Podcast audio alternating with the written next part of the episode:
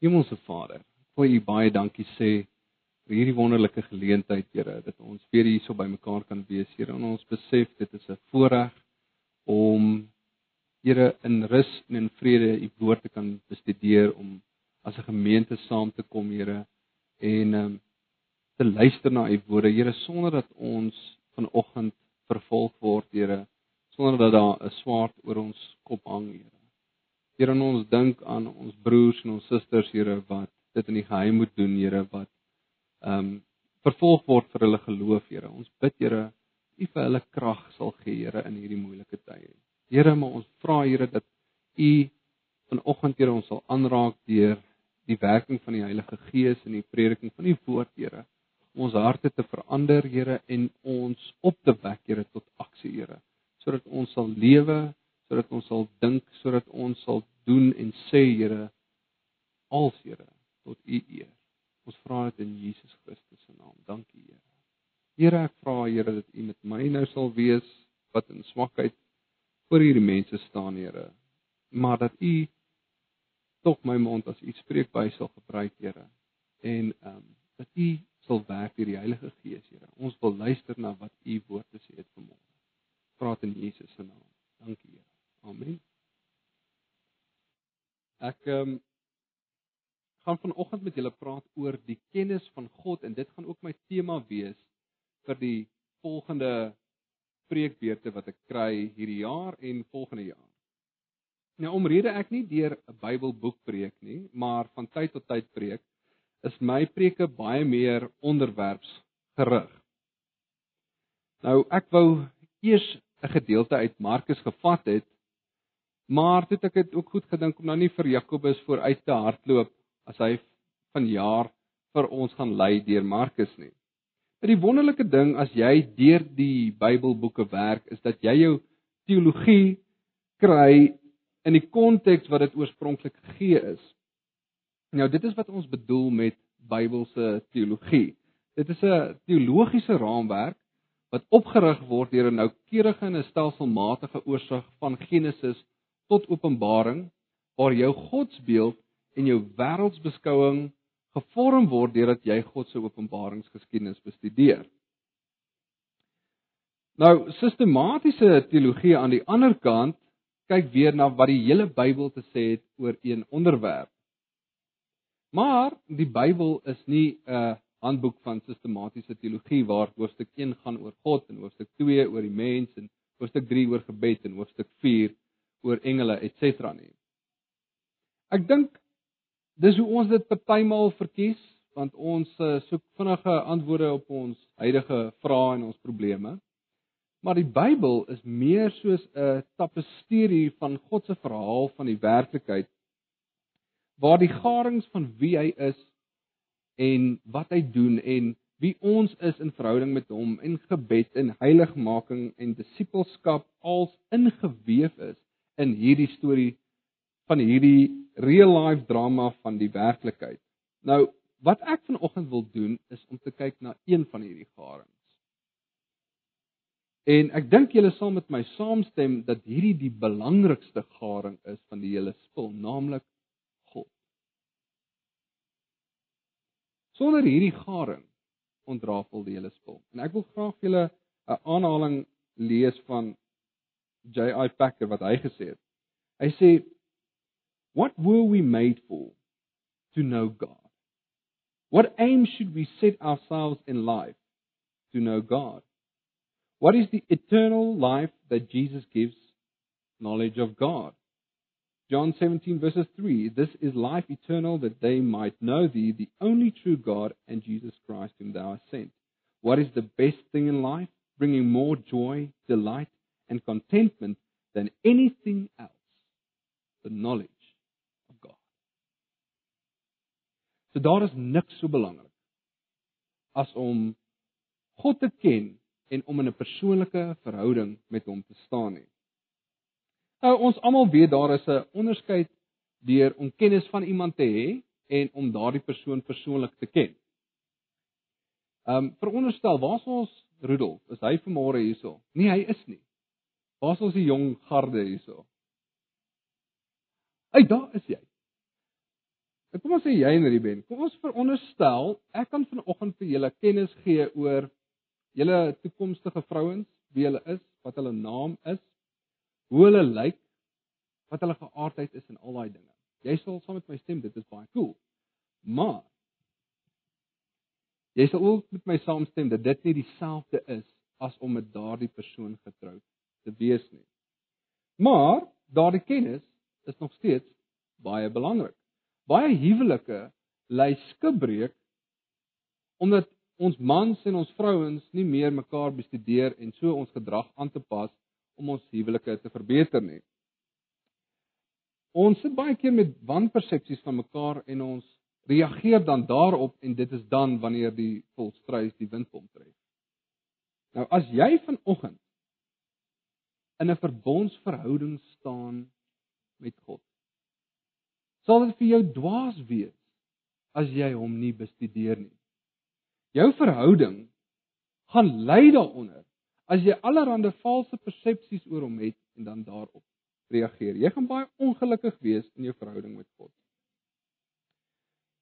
So weer eens, vandag wil ek fokus op die ken en die verstaan van God. Ek sal baie graag um, met julle wil gesels oor God se oneindigheid en oor hom as persoon, maar ek wil eers begin met om God te ken en te verstaan. Nou my teksgedeelte van môre is Jeremia 9 vers 23 en 24 en ek vra dat julle saam met my sal blaai en dan kyk ons saam daarna. Of julle kan saam met ons volg op die bord.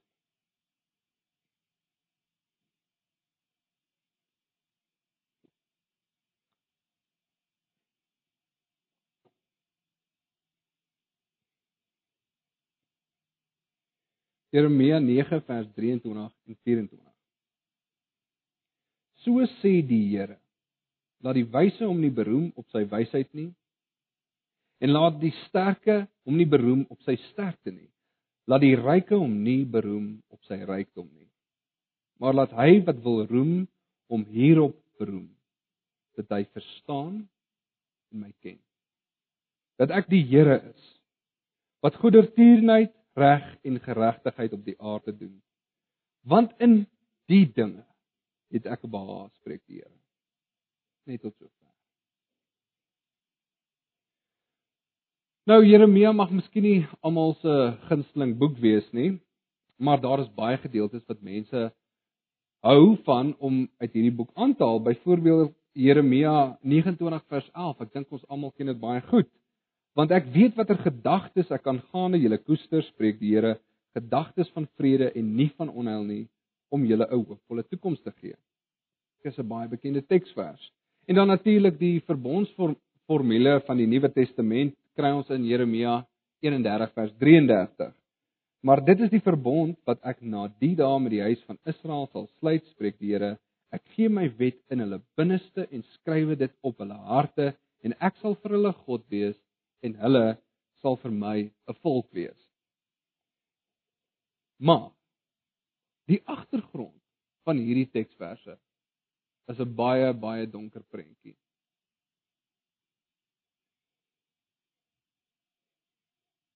Die Here het profeet na profeet na sy volk gestuur om hulle te waarsku dat hulle hulle moet bekeer. Voordat hulle moet straf. Nou die Here het geen witbroodjies nie. Hy het eers sy volk Israel gebruik om ander volke uit Kanaan te jaag weens hulle boosheid. Maar nou gaan hy sy eie volk Israel uit daardie selfde land jaag weens hulle boosheid deur die bemiddeling van ander volke. Nou Jeremia se taak as profeet was om die oordeel van God aan te kondig terwyl die Here nog steeds by sy mense aandring dat hulle hulle moet bekeer. Nou sy mense se harte is natuurlik so verhard deur hulle sonde dat hulle God se boodskap in die wind slaan. En dan sê die Here vir hulle in Jeremia 2 vers 19 dat hulle eie boosheid vir hulle pak slaas sal gee en hulle eie afvalligheid hulle sal straf. Hulle het vir God die fontein van lewende water verlaat en vir hulle reënbakke uitgekap wat nie water kan hou nie. Maar die ding wat ons moet raak sien is dat hierdie mense was wat groot geword het met die kennis van God. Maar hulle dit verruil vir leuns en afgode begin dien.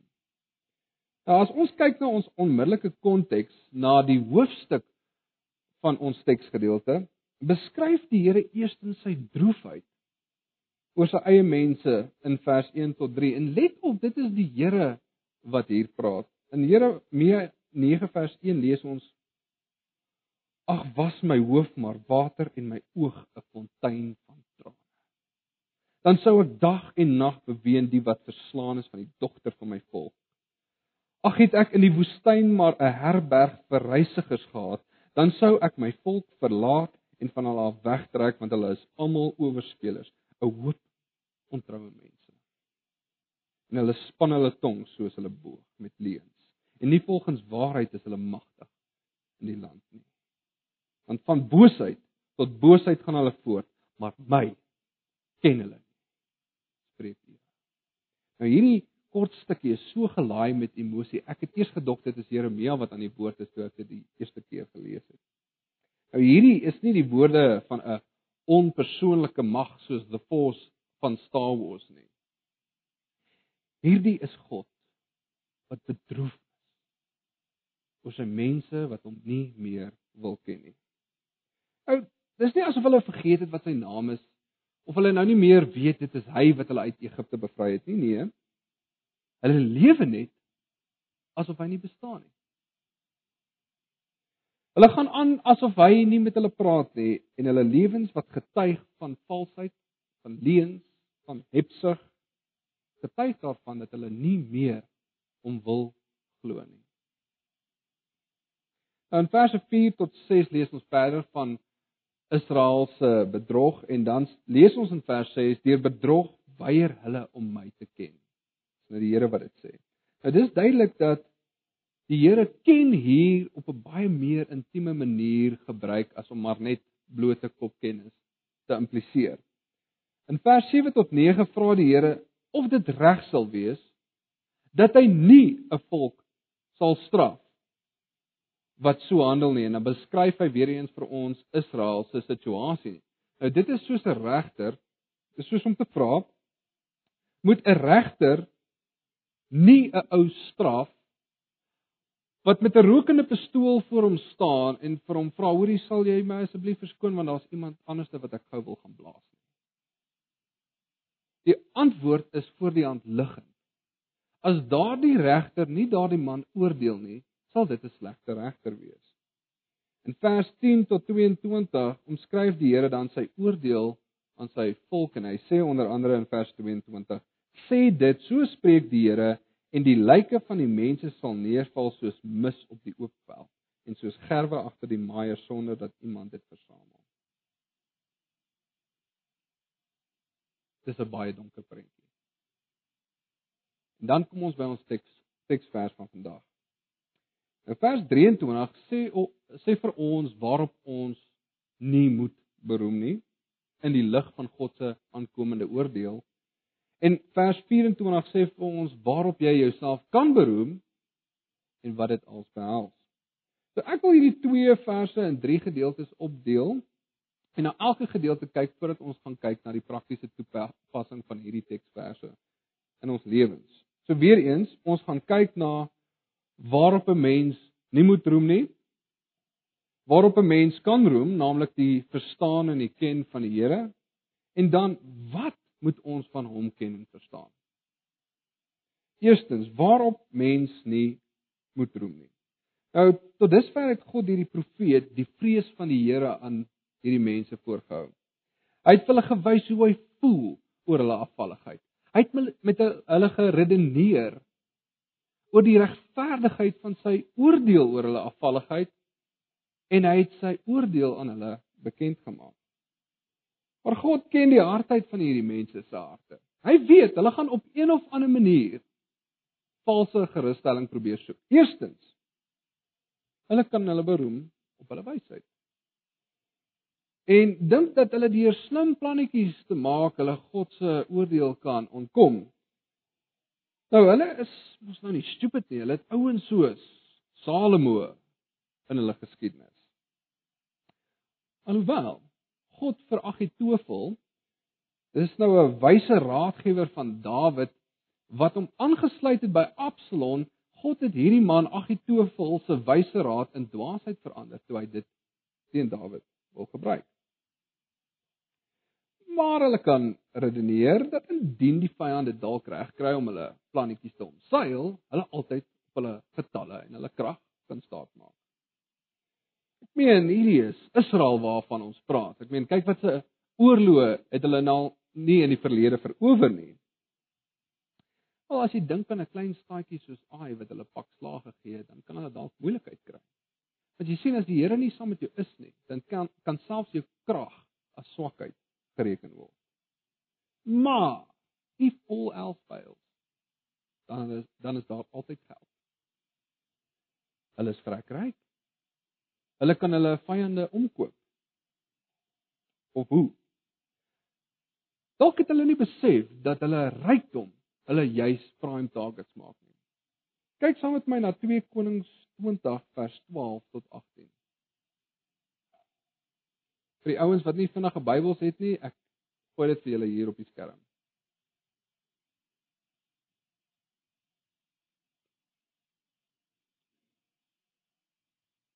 Twee Konings 20 vers 12 tot 18. In die tyd het Berodag Baladan, die seun van Baladan, die koning van Babel, 'n brief en 'n geskenk aan Hiskia gestuur, want hy het gehoor dat Hiskia siek was. Julle sal onthou dat uh, Hiskia was siek. Die Here het hom gesê, "Kyk, dit is dis nou jou tyd." En hy het gevra vir die Here vir meer tyd en die Here het hom 15 jaar gegee vers 13 lees ons en Eskia het na hulle geluister en hulle sy hele skathuis laat sien en die silwer en die goud en die speserye en die kosbare olie en sy wapenhuis en alles wat in sy skatkamers te vind was.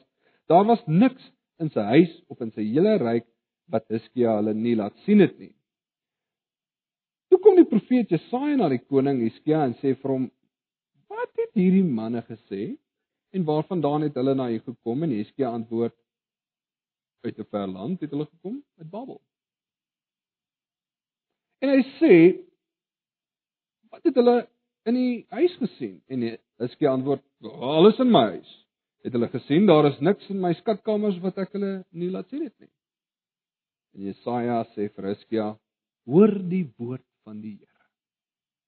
Kyk, daar kom daar dat alles wat in jou huis is en wat jou vaders tot vandag toe opgehoop het, na Babel weggevoer sal word. Daar sal niks oorbly nie, sê die Here. En van jou seuns wat uit jou sal kom, wat jy sal verwek, sal hulle neem dat hulle hofdienaars word in die paleis van die koning van Babel. En dit is nou juis hierdie ouens van Babel wat die Here gaan gebruik om sy volk 'n pak slaag te gee. Nou gaan ons kyk waarop 'n mens wel kan roem. So ons het gesien dat daar geen raad is teen die Here nie. Ons het gesien jy is net so sterk en sover hy met jou is en dat jy nie versekerings teen hom kan uitneem nie. Maak nie saak hoe ryk jy is nie. Die vraag is wat is daar wat jy kan doen om sy oordeel te ontvlug? Op wat kan jy jou beroem? En die antwoord is jy kan net roem as jy hom verstaan en hom ken. En ons het gesien dat ken soveel meer behels as maar net blote kopkennis. Die ken wat hiervan gepraat word is soos 'n vrou wat haar man ken of 'n kind wat sy pa ken. Hierdie is 'n intieme verhouding. Dis 'n kennis wat gebaseer is op 'n intieme verhouding. Uit hulle goddelose optrede het hulle gewys dat hulle die Here nie meer wil ken nie. Maar ons weet as julle sal onthou, van ons studie toe ons deur Eksodus gegaan het dat hulle nie in 'n regte verhouding met God gekom het deur om die 10 gebooie te gehoorsaam nie. Ek bedoel hulle het nie eens geweet wat sy naam is nie. God het hulle gered want hy het hulle ellende ter harte geneem en hy het sy belofte onthou wat hy aan hul vaders gemaak het. Al wat hulle moes doen is om vir God op sy woord te vat die bloed van die lam aan die deurposte te smeer en te vertrou dat dit hulle sal beskerm teen God se oordeel. God het hulle sy volk gemaak sonder enige prestasies van hulle kant af. En hy het hulle op Sinaï gewys, dis nou hoe ek wil hê julle moet lewe as mense onder my gesag in die land wat ek aan julle beloof het. So hulle geloof in God het ten diepste behels dat hy hulle redder is. Maar nou is die vraag, hoe kan jy sê ek moet vir God verstaan? Ek meen, sê Jesaja nie vir ons want soos die hemele hoër is as die aarde, so is my wee hoër as julle wee en my gedagtes as julle gedagtes. Hoe die ongeluk kan jy sê ek moet vir God verstaan? Dit is waar. God se gedagtes is ongelooflik kompleks en ons moet nie vir 'n oomblik dink dat ons dit kan begin ontsyfer nie. Maar Moses het ook vir hulle gesê in Deuteronomium 29 vers 29 die verborgde dinge is vir die Here ons se God. Dit wat hy nie aan ons openbaar nie is vir hom om te ken. Ons gaan dit nooit ken nie. Maar die geopenbaarde dinge is vir ons en vir ons kinders tot in ewigheid om te doen al die woorde van hierdie wet. Nou dit wat die Here openbaar is vir sy mense om te verstaan en te ken. En dit is wat hy geopenbaar het. Dit is vir jou om te ken en te verstaan. Hulle moes dit na so 'n mate verstaan het dat hulle dit moes kon leer vir hulle kinders en kon vir hulle verduidelik wat hierdie kennis van God behels. So kom ons kyk nou wat hulle van hom moes verstaan het. Eerstens sê God dat hy die Here is met hoofletters geskryf. Hierdie is Jahwe. Hy is ek is. Dit is hoe hy hom aan Moses openbaar het in die brandende bos. Hy is die ewige, oneindige, onafhanklike, onveranderlike, noodsaaklike God. Hy is die God wat net bestaan. Hy het sy bestaan te danke aan niemand anders nie. Terwyl ons almal ons bestaan te danke het aan hom. God is net en ek wil baie graag oor God se oneindigheid en sy bestaan met julle gesels. Nou hy is verder die verbondsgod, die Here wat sy naam vasmaak aan Abraham, Isak en Jakob. Wat sê Ek wil vir julle 'n God wees en julle moet my volk wees. Hy is die verterende vuur God wie se heiligheid onder sy mense brand as hulle hom nie meer ernstig opneem nie. Hy is Jahwe. Dan moet hulle verstaan wat op aarde doen die Here. En hy sê hierso, wat doen hy op aarde? Hy beoefen getroue liefde, reg en geregtigheid. Hy gee reën en hy laat sy son skyn oor gelowiges en ongelowiges. Hy's onpartydig. Hy stuur 'n Jona na Ninive sodat hulle hulle moet bekeer sodat hy hulle nie hoef te straf en hulle moet sterf nie. Hy bly getrou aan sy beloftes. Ons sien ook dat hy reg verskaf aan die wese en die weduwees. Sy hart gaan uit na hierdie mense toe.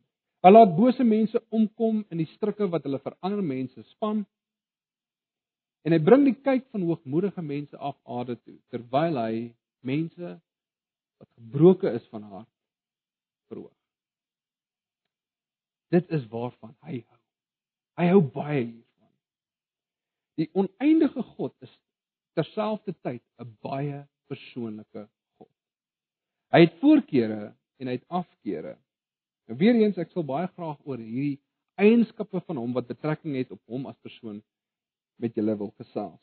Nou hierdie persoonlike God is baie gestel op reg en verkeerd. Hy bestudeer sy mense. Hy toets hulle harte. Hy is intiem betrokke by sy mense. En dit is 'n baie groot probleem as hy mense dinge soos liefdeloosheid, sedeloosheid, hebsug, bedrog, ongeregtigheid en wetteloosheid najaag. Want dit clash met waarvan hy hou, dit clash met sy karakter. En soos die engel sê, something's got to give. En dit is nie Israel se bose voorkeure hier nie. Dit is soos 'n skooter wat vir 'n 360 ton myn lorry toet om uit die pad uit te kom. Ek meen wie gaan wen hierso? So dit is baie belangrik dat hulle hulle juis hierdie goeders wat God aan hulle openbaar moet ken. As hulle hierdie kennis ter harte opgeneem het, sou hulle dalk 'n U-turn gemaak het. Maar hulle het. Nou kom ons bring hierdie dinge wat ons nou oor gesels 'n bietjie nader aan ons velle. Kom ons kyk na die praktiese toepassing van hierdie teksgedeelte in ons lewens. Ja, iets wat ek baie graag op wil dubbelklik is die verstaan en die ken van God. Wat 'n intellektuele begrip behels en 'n intieme persoonlike verhouding met God, om in 'n regte verhouding te wees met hom. Nou die kennis van God is nie blote akademiese oefening nie. Dit is jou reddingsboei onder andere. Dit gaan eerstens hier oor die redding van jou siel. En dit behels baie meer as net kopkennis. Nou soos Israel moet ons dit dit weer hoor en ek weet ons het dit al baie gehoor in hierdie gemeente, maar kom ons nie in 'n regte verhouding met die Here deur ons eie prestasies nie. Al wat jy kan doen is om vir God op sy woord te neem en te vertrou in die bloed van die lam Jesus Christus wat in jou plek geslag is en glo dat dit jou sal beskerm teen God se oordeel. Nou vir 'n mens is dit onmoontlik om gered te word. Ons het nou of kom ons sê om God se oordeel te ontvlug. Ons het dit nou net in hierdie gedeelte gesien. Nie jou slim plannetjies om hom uit die weg uit te filosofeer nie. Nie jou vermoë om 'n indrukwekkende lewe te leef nie. Nie jou rykdom kan jou beskerm teen dit wat op pad is nie. Maar kom ons kyk weer kyk weer bietjie na Israel. Israel het ontsettend baie voordeel getrek uit die kennis van God. God se wette het vir hulle 'n morele fondasie gegee vir 'n ordelike en 'n vredevolle samelewing. En dit het vir hulle groot rykdom besorg en 'n kultuur wat ryk is aan musiek en 'n uh, groot klomp feestelike byeenkomste. Dit het vir hulle 'n identiteit gegee wat hulle beroemd gemaak het onder ander ander volke. Maar Hulle het hierdie voordele as vanselfsprekend gevat. En hulle op hulle beskawing en hulle vooruitgang begin roem hulle wysheid. Hulle krag. Hulle rykdom. En nie op die God wat hierdie dinge gee nie. En hulle het gedink hulle kon hierdie voordele geniet sonder om vir God daarin te ken. Nou hulle het 'n groot fout gemaak. Maar is dit nie ook ons versoeking vandag nie? Soveel voordele wat ons geniet, vat ons as vanselfsprekend en aanvaar ons dit in ons samelewings en in ons huisgesinne en dit is als te danke aan die kennis van God. Soveel hedendaagse regerings sit met 'n Christelike fondasie wat 'n fondasie voorsien vir 'n stabiele, vredevolle samelewing. Groot Amerikaanse universiteite soos Yale, Harvard en Princeton het Christelike wortels. Nou die eerwaarde John Harvard se woorde wat gesien kan word, kan jy nou lees as jy nou Harvard binne gaan en ek lees dit graag vir julle. Hy sê so after God had carried us safe to New England and we had built our houses, provided necessities for our livelihood, reared convenient places for God's worship and settled the civil government, one of the next things we longed for and looked looked after was to advance learning and to perpetuate it to prosperity, dreading to leave an illiterate ministry to the churches when our present ministry shall lie, when our uh, present ministers shall lie in the dust. Is soveel dinge wat die Afrikaanse en die Engelse gemeenskappe as van selfsprekend vat is te danke aan die kennis wat vooruitgang, stabiliteit en strewe na kennis en geleerdheid behels. Nou ongelukkig begin ons te dink dat ons Afrikaners of ons Engelse oulik is. raak soos hierdie Israeliete, heilige snaps. Nou ons kultuur, ons tradisies en ons taal begin in sekere kringe 'n Nuwe Testamentiese status te bereik. Ek wil vir jou sê as jy begin roem op jou Afrikaner of Engelse kultuur, jou tradisies, jou opbrengs en selfs jou kerk, julle dinge doen en sulke goeders. As jy jouself op hierdie dinge begin beroem, dan is daar groot moeilikheid. Die vraag is, ken jy God se reddingsplan vir jou en is jy toevertrou aan Jesus Christus? Wat jy 'n heilige snop geword. Dis in sy seun se offer vir jou wat sy getroue liefde en sy reg en geregtigheid 'n klimaks bereik. Dit is die toonvenster waarvan hy hou. Dit is die openbarmaking van sy wysheid.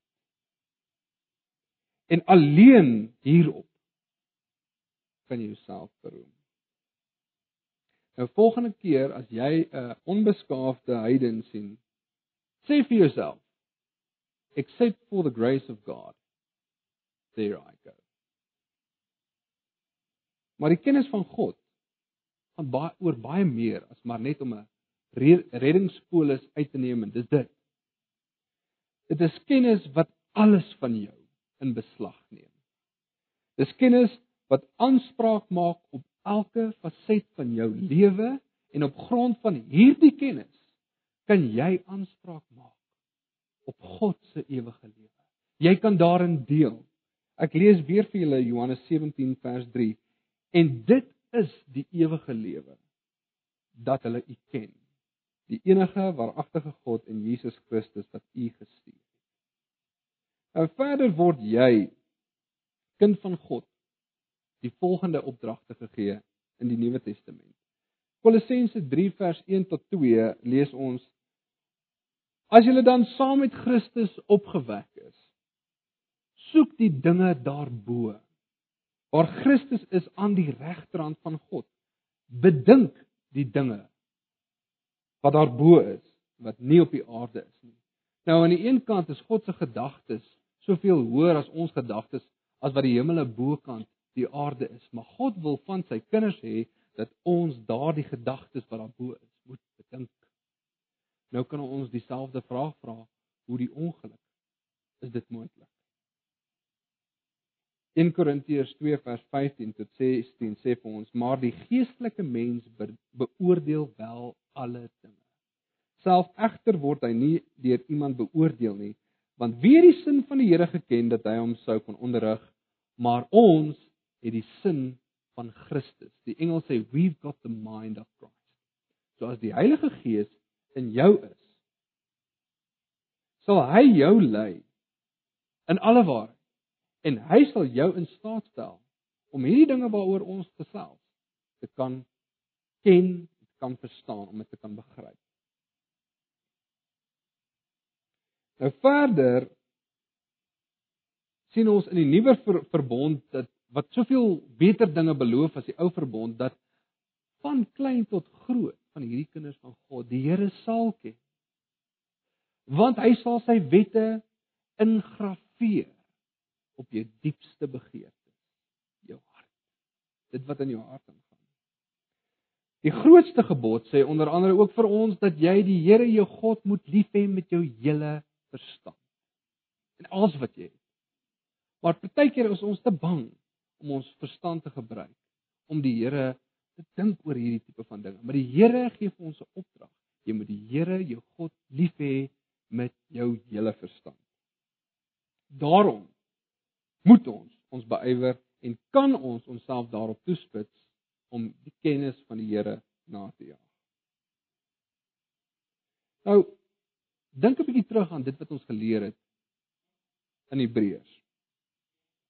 Ons het gesien dat dit self gevaarlik is om nie ag te slaan op die Here nie.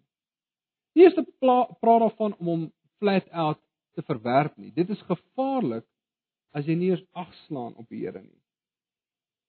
Ons het gesien dat ons nie van hom moet wegdryf soos 'n skip wat se ankers gelig is en stelselmatig die diep see indryf nie. Ons het gesien ons moet op ons hoede wees vir sonde wat ons harte verhard sodat ons nie sal raak soos hierdie Israeliete wat heeltemal die klits kwyt geraak het nie. En ons moet onsself besig hou met die meer vleisiger dinge, die meeteer goeters van die woord as wat ons bly by die ABC van geloof. Dis belangrik dat jy dit het as jou fondasie die ABC van die geloof, maar ons moet voortgaan tot die meer vleisige dinge van die woord. Ons moet groei in ons geloof. En as ons onsself besig hou met hierdie dinge, gaan ons sien dat ons meer en meer verander word van heerlikheid tot heerlikheid na die beeld van die seun van God. So ek wil julle aanmoedig om die kennis van God na te jaag. Nou volgende keer wil ek baie graag met julle gesels oor eers oor God se oneindigheid en wat dit als behels en dan kyk na sy eienskappe wat betrekking het op hom as persoon. Dankie. Amen. Ons bid saam. Hemelse Vader. Dis 'n geweldige ding wat U vir ons sê dat ons U moet ken en verstaan. Here, dit is so 'n geweldige voorreg, Here, dat ons in 'n regte verhouding kan wees met die lewende God. Die God wat die heelal geskep het. Van die grootste sonne en sterrestelsels en Melkweg tot die kleinste kwark. Dit het U gemaak. Here en dat ons U kan ken is amper Here dis skrikwekkend. Maar Here, U kom en U maak U woning onder ons dat ons U kan sien. Dit is hoe U is. Dat ons met U kan identifiseer. Here, U seun kom om met ons te identifiseer. Here, hy kom om vlees met vlees aangeneem. Het geword soos een van ons. Om ons te red. Here, ons gryp hierdie kennis van U aan eerstens want dit is ons reddingsboei, Jesus Christus en U hemelse God, Here. Om U te ken is die ewige lewe. Here, maar ons wil ook van U vra dat U ons sal help dat hierdie kennis ons hele lewe in beslag sal neem. En dat ons sal lewe vir U. Sodat U groot gemaak kan word in ons lewens, kan wys wie U is. Die oneindige, ewige, heerlike noodsaaklike geweldig persoonlike almagtige heilige God. Ons eer U, Jesus.